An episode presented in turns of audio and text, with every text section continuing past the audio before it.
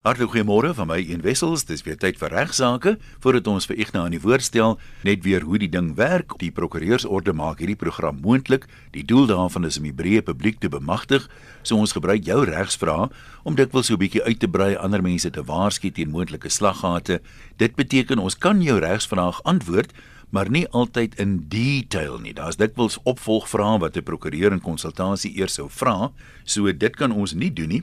Die ander ding wat uh, Ignas nie kan doen nie, die program word nou op nasionale radio uitgesaai so duisende mense luister en 'n mens verstaan dat mense probleme het wat hulle baie graag wil oplos, maar Ignas kan nie betrokke raak by ieder en elk se hofsaake nie namens hom in die hof verskyn en dokumentasie opstel nie. Tog kry ons van mense dikwels vra met aanhangsels tot in Kaïro van kontrakte en dit en dit en dit. Ek meen die tyd wat dit in beslag neem om die goed te lees, gaan jou ure en ure vat. Dit is nie die doel van die program nie. Nee, ons is jammer as ons jou nie daarmee kan help nie. Ignas sê baie gereeld dat um, hy is 'n slim man, maar hy's by verre nie die slimste man in Suid-Afrika nie. Daar is beter prokureurs as hy so. Iemand in jou omgewing sal jou baie beter kan help. Dit is baie makliker vir jou om 'n prokureur in jou omgewing te gaan sien. Dikwels as jy vir enige prokureur vra, spesialiseer jy byvoorbeeld in boedelbeplanning of is hier iemand wat uh, spesialiseer op 'n sekere gebied? Dan kan jy mense dit redelik maklik in die hande kry en uh, tannie Google is ook maar 'n goeie vriend van jou as jy dit gaan Google attorneys in jou dorp dan sien jy waarskynlik iets kry. So ons vra begrip daarvoor asseblief, maar ons wil baie graag jou vra hê want dit is maar uh, die basis van die program en jy kan jou vrae direk vir Ignas stuur na igna@ffd.co.za. Ignas môre. Goeiemôre Ian, baie dankie vir daardie uh, ware woorde en uh, luisteraars baie dankie dat jy weer vandag luister klompie interessante, ek hoop vir u interessante hofsaake en uh, briefies wat ek gaan hanteer vandag. En die eerste hofsaak handel met die regstreekse uitsending van hofverrigtinge in Suid-Afrika. En ek weet hierdie tyd weet ons almal al dat daar baie verwikkelinge was oor die gebruik van dagga. En in daardie proses uh is daar breedvoerige media dekking gewees ook oor hofsaake in hierdie verband en is veral dikwels gedryf deur 'n paartjie wat bekend staan as die sogenaamde dagga paartjie. Hulle is Myrtle Clark en Jules Stops. Uh, hulle het die howe hieroor uh, op 'n baie effektiewe wyse uitgedaag.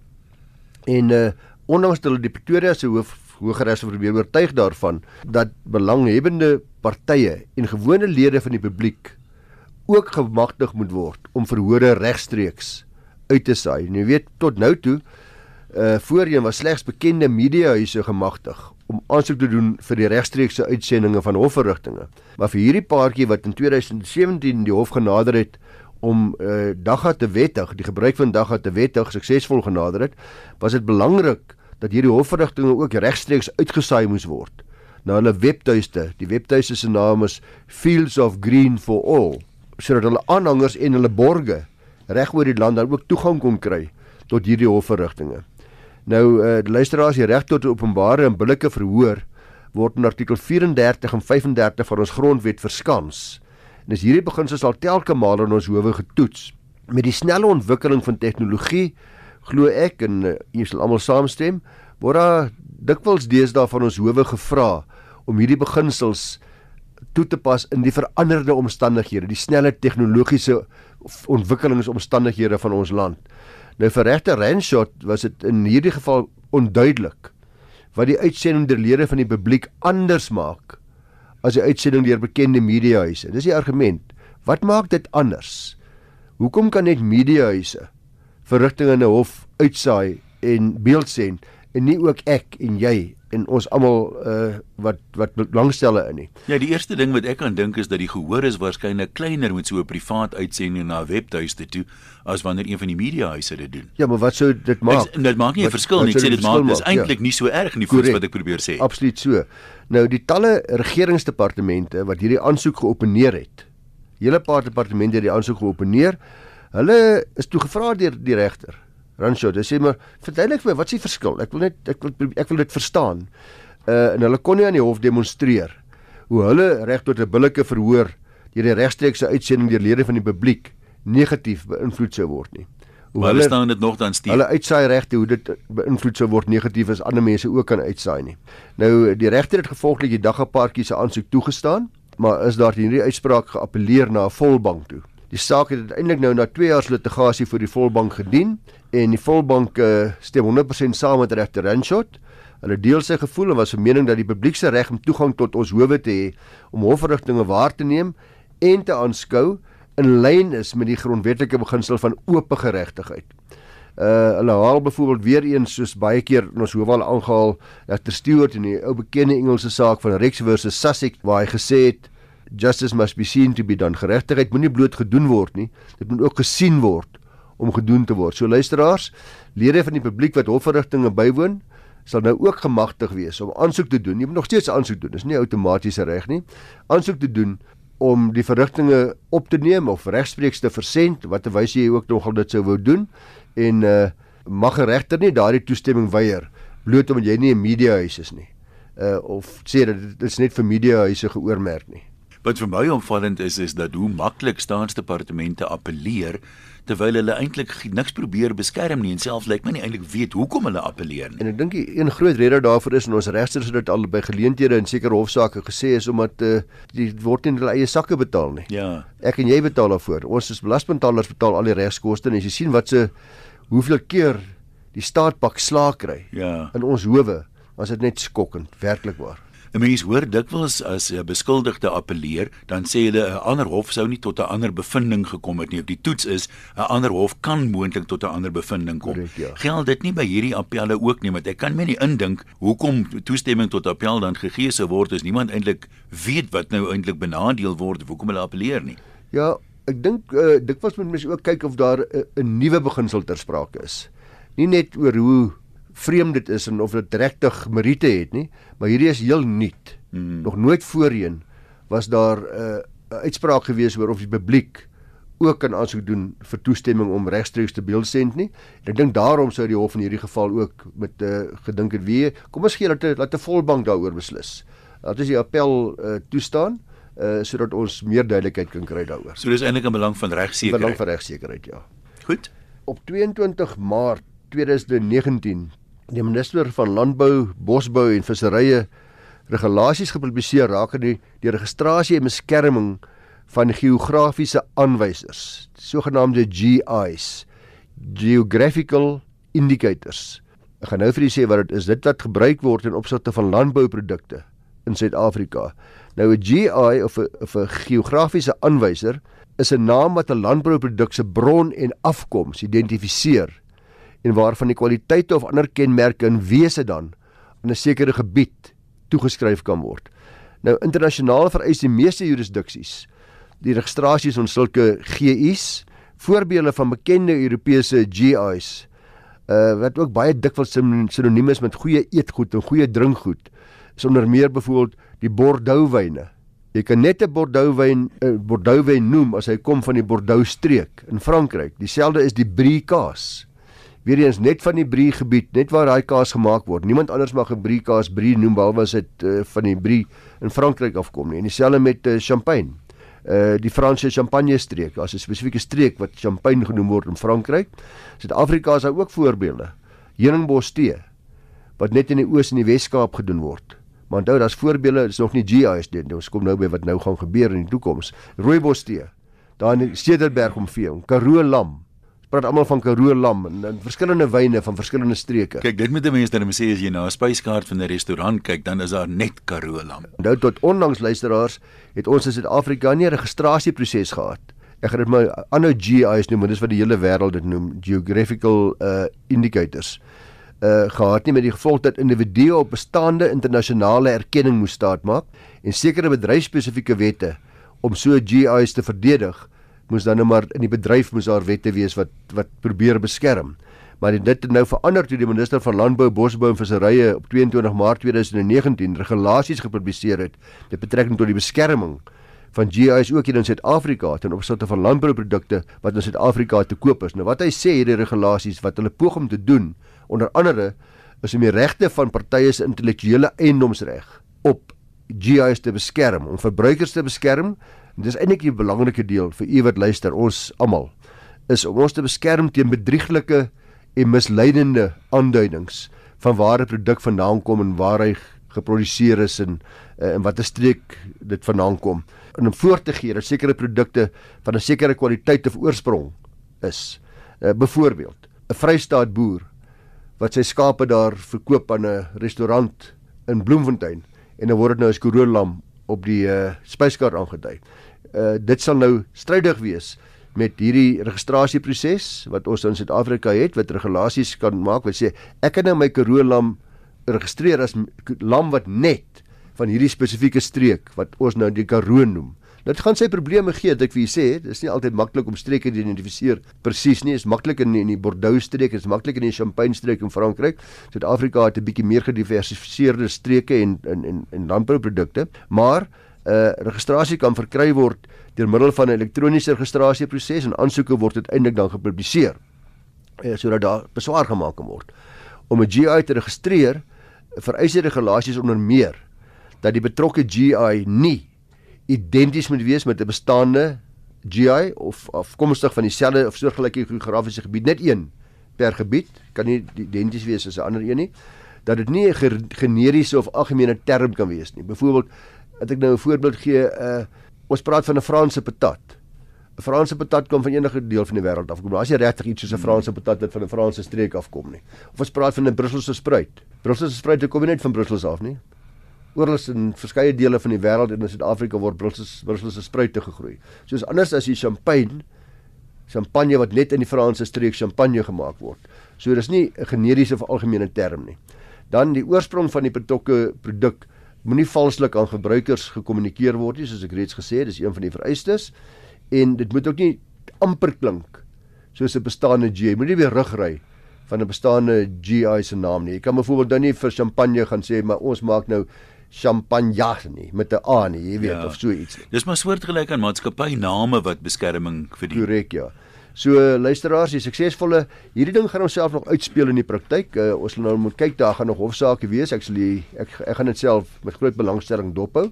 Ek seker van baie ander mense ook in die landboubedryf uh, sal daarna mooi mooi kyk om hulle lede te beskerm van sekere streke, maar belangrik is die suksesvolle registrasie van 'n GI sal nou die houer van daardie registrasie die reg gee om woorde soos geregistreerde geografiese aanwysers op byvoorbeeld RSA geregistreerde geografiese aanwyser op die verpakking van die betrokke landbouproduk in te sluit sodat een ek wat koop ons as verbruikers sal weet dat hierdie as ons hierdie lamp koop daar staan duidelik op hom RSA GI so hy kom van die Karoo af. Dit is 'n Karoo lam of dit is 'n rooibos tee wat van die Rooibosstee streek afkom.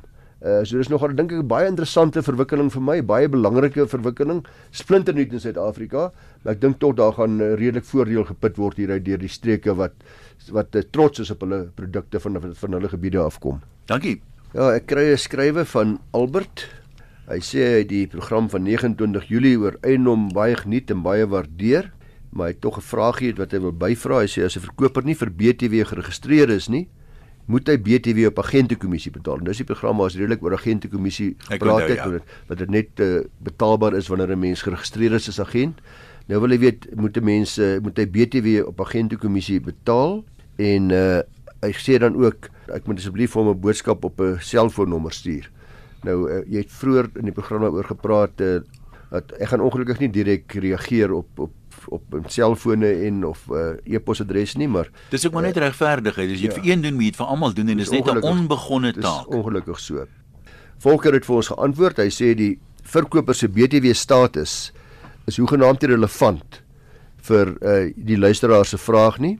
Anderswoorde of daar BTW op die kommissie betaalbaar is of nie, hang af van die agent se BTW status nie die verkoper se BTW status nie. Dis sy vraag. As hy hy sê as die verkoper nie vir BTW gestuur is, hoekom moet hy dan 'n BTW betaal? Die status van die persoon in hierdie geval uh aan wie die kommissie betaalbaar is, daardie persoon se status, die agent se status, gaan bepaal of BTW betaalbaar is. Dit wil sê as die agent vir BTW geregistreer is, dan is die betaling van die agentekommissie 'n BTW transaksie volgens die wet. Maar mens kry dikwels met hierdie goed kom ons sê daar's 'n eiendomsagentskap met 10 agente. Ja. Is die agentskap nou geregistreer vir BTW ja. of die individuele agente? Nee, die agent, die agentskap. Die agentskap gaan ook die faktures lewer. So jy dan uh, dan is dit dan wel BTW betaalbaar. Dan is wel BTW betaalbaar, maar onthou dit is belangrik om te verstaan dat die verpligting om om BTW oor te betaal op die verskaffer soos byvoorbeeld in hierdie geval die agent, die verskaffer is aan die agent, hy die dienste verskaf. Hy moet die BTW oorbetaal aan die uh, aan die ontvanger. Uh, die agent moet dit oorbetaal ongeag wat sy ooreenkoms met die verkoper is. Want nou moet jy onthou of die agent net weer van die verkoper kan verhaal hang af van die ooreenkoms tussen tussen die verkoper en die agent. As hulle byvoorbeeld weer ingekom het, kom ons sê net maar vat 'n simpel voorbeeld. Ons sê die kommissie is 100 000 rand plus BTW. Né? Nee? Uh, dan moet die verkoper wel die 15000 rand bo en behalwe die 100000 rand die agent betaal. Maar belangrik is met BTW, as daar stilswye is, as daar staan die agentekommissie is 100000 rand, dan is die agentekommissie ingesluit. Dan betaal die verkoper net 100000 rand en die en die agent moet dan self die die BTW oorbetaal uh wat 15% gaan wees op die op die bedrag van 100 000 rand minus die agentekommissie. Dit moet dan deur hom oorbetaal word aan die ontvanger. So dis belangrik om wanneer mens na 'n prys kyk, moet jy kyk of die prys BTW insluit of nie. As die prys spesifiek sê plus BTW, dan gaan jy BTW betaal as verkoper. As die agentekommissie niks sê nie, sê niks stil swyg, swyg, dan gaan u net die 100 000 betaal. Uh, ek hoop dit beantwoord die vraag van die luisteraar, maar dis uh, dis nogal uh, party mense is dit nie altyd doodseker daarvan nie, maar belangrik is dat die verskaffer van 'n die diens moet vir BTW geregistreer wees voordat 'n BTW transaksie is. As die agent nie geregistreer is vir BTW nie, uh, aan ander woorde die agentskap is nie hulle hulle daar sekere reëls daaraan verbonde wanneer mense registreer en wanneer jy nie geregistreer is nie, dan kan daar geen BTW ter sprake wees nie. Wat van die verkoper? Mens sien soms in die eiendomsgidse waar, waar hulle adverteer en staan daar pertinent by die advertensie, dis die prys BTW ingesluit of BTW uitgesluit staan daar nogal heel gereeld. Ja, onthou dit gaan nou dit dis presies wat ek nou gesê het. In ander woorde die verkoper moet van die verkoper, nie van die agent nie. Die verkoper, die verkoper is daai geval die verskaffer. Hy verkoop. En oor net soos die agent sy dienste verskaf, hmm. is die verkoper dan in daai geval die verskaffer en dan moet die koper wat dan aan die ander kant is natuurlik besef.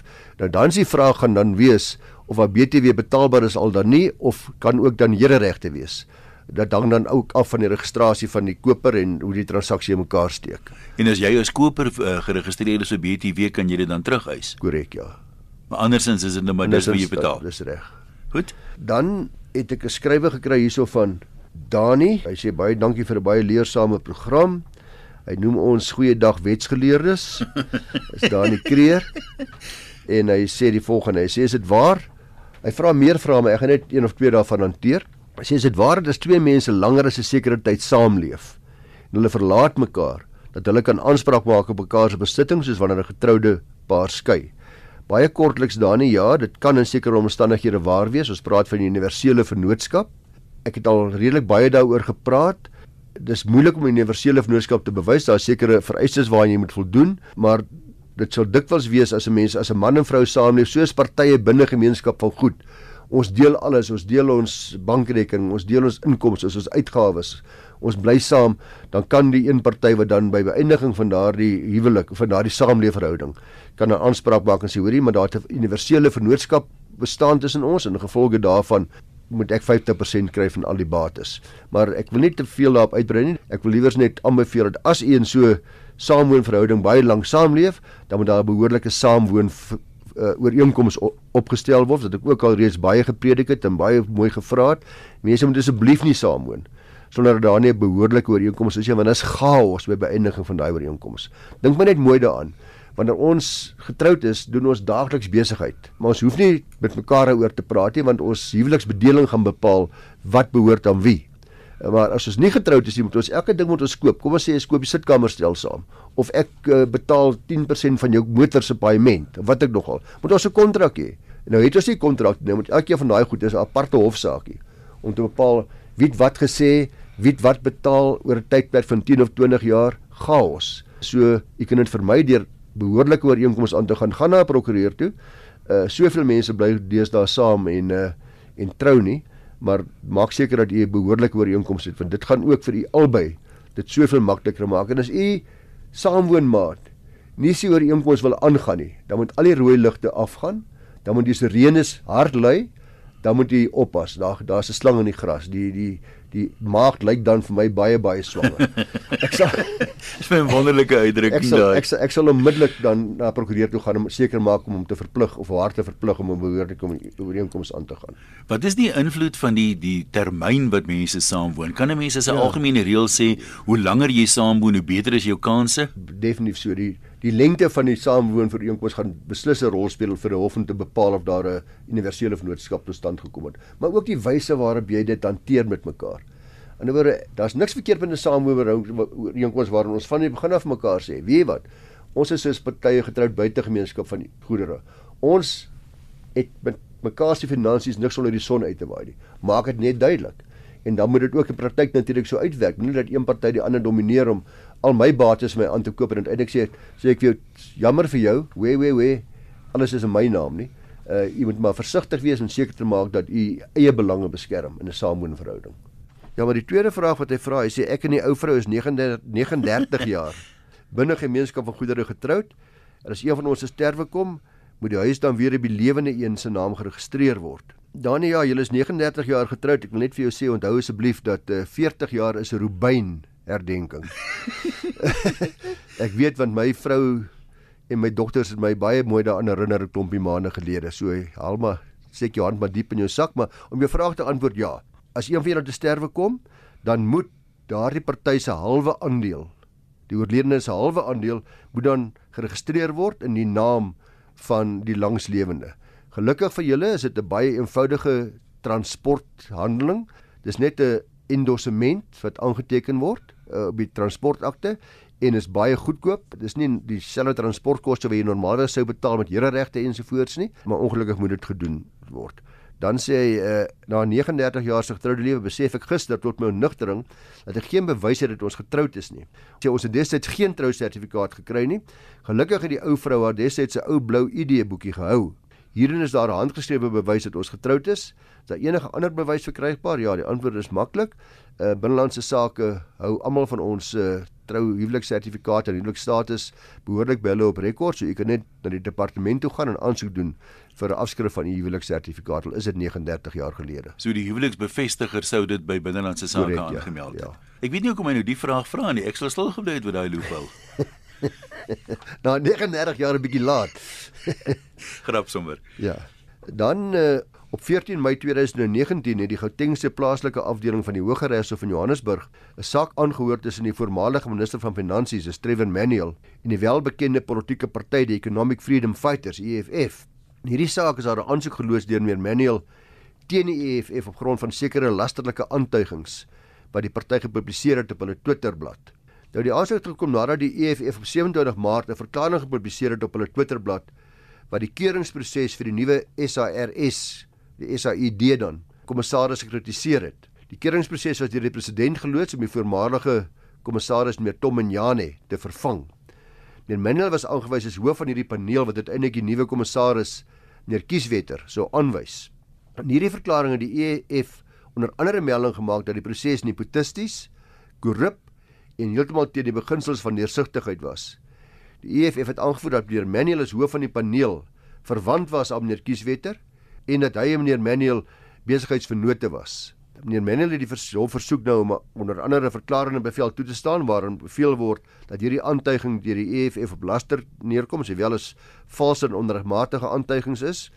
Tweedens vra hy ook dat uh, daar 'n verbiedende interdik verleen word aan hom wat die party verhoed om in die toekoms soortgelyke of dieselfde aantuigings te maak. Derdens het meneer Menel ook gevra dat hierdie aantuigings van die party se media platform verwyder word dat die party hom onverwaar ook om verskoning vra. En laastens vra hy ook dat daar 'n bedrag van 500 000 rand skadevergoeding onbetaal word vir hierdie dinge wat die EFF alles kwyt geraak het. Die hof het eerstens bevind luisteraars dat die aansoek wel dringend was, dat dit op 'n dringende basis aangehoor kon word omrede die Suid-Afrikaanse publiek nodig het om te weet of die uh, eh, SAID se kommissaris aangestel was op meriete of soos die EFF aangevoer het as gevolg van nepotisme en korrupsie. Sê dit is 'n dringende ding, ons moet dadelik weet of dit waar is of nie. Die hof het bevind dat die normale leser die kommentaar op die EFF se Twitterblad sy verstaan as 'n duidelike aantuiging dat meneer Manuel self korrup en nepotisties is. Die EFF het verder versuim om enige feite vir die hof te plaas wat 'n goeie aanduiding was dat die aantuigings dalk die waarheid kon wees. Daar is geen bewyse daarvoor nie. Gevolglik is al die bedes waarvoor meneer Manuel gevra het toegestaan en in besonder ook uh, interessant ook die bede dat die EFF 'n bedrag van 500 000 rand skadevergoeding aan hom moet betaal. Ek wonder of hy sy geldjie al gekry het. ek dink hy gaan daarop aandring heel waarskynlik. Dis ook belangrik om net melding te maak laastens dat dieselfde sit Gauteng se Hooggeregs op ook 18 Junie 2019 die EFF se aansoek tot verlof op appel van die hand gewys het. Die regter het beslis dat uh, dat die EFF se aansoek uh, nie redelike gronde vir sukses toon nie, dat 'n ander hof geen ander hof anders sal bevind nie. Ek nou baie dankie, dis ook alwaar ons gaan tyd hê vandag. Baie dankie dat jy geluister het na regsaake. Onthou jou vrae vir beantwoording op die program kan jy direk vir Ignas stuur na igna@ffd.co.za.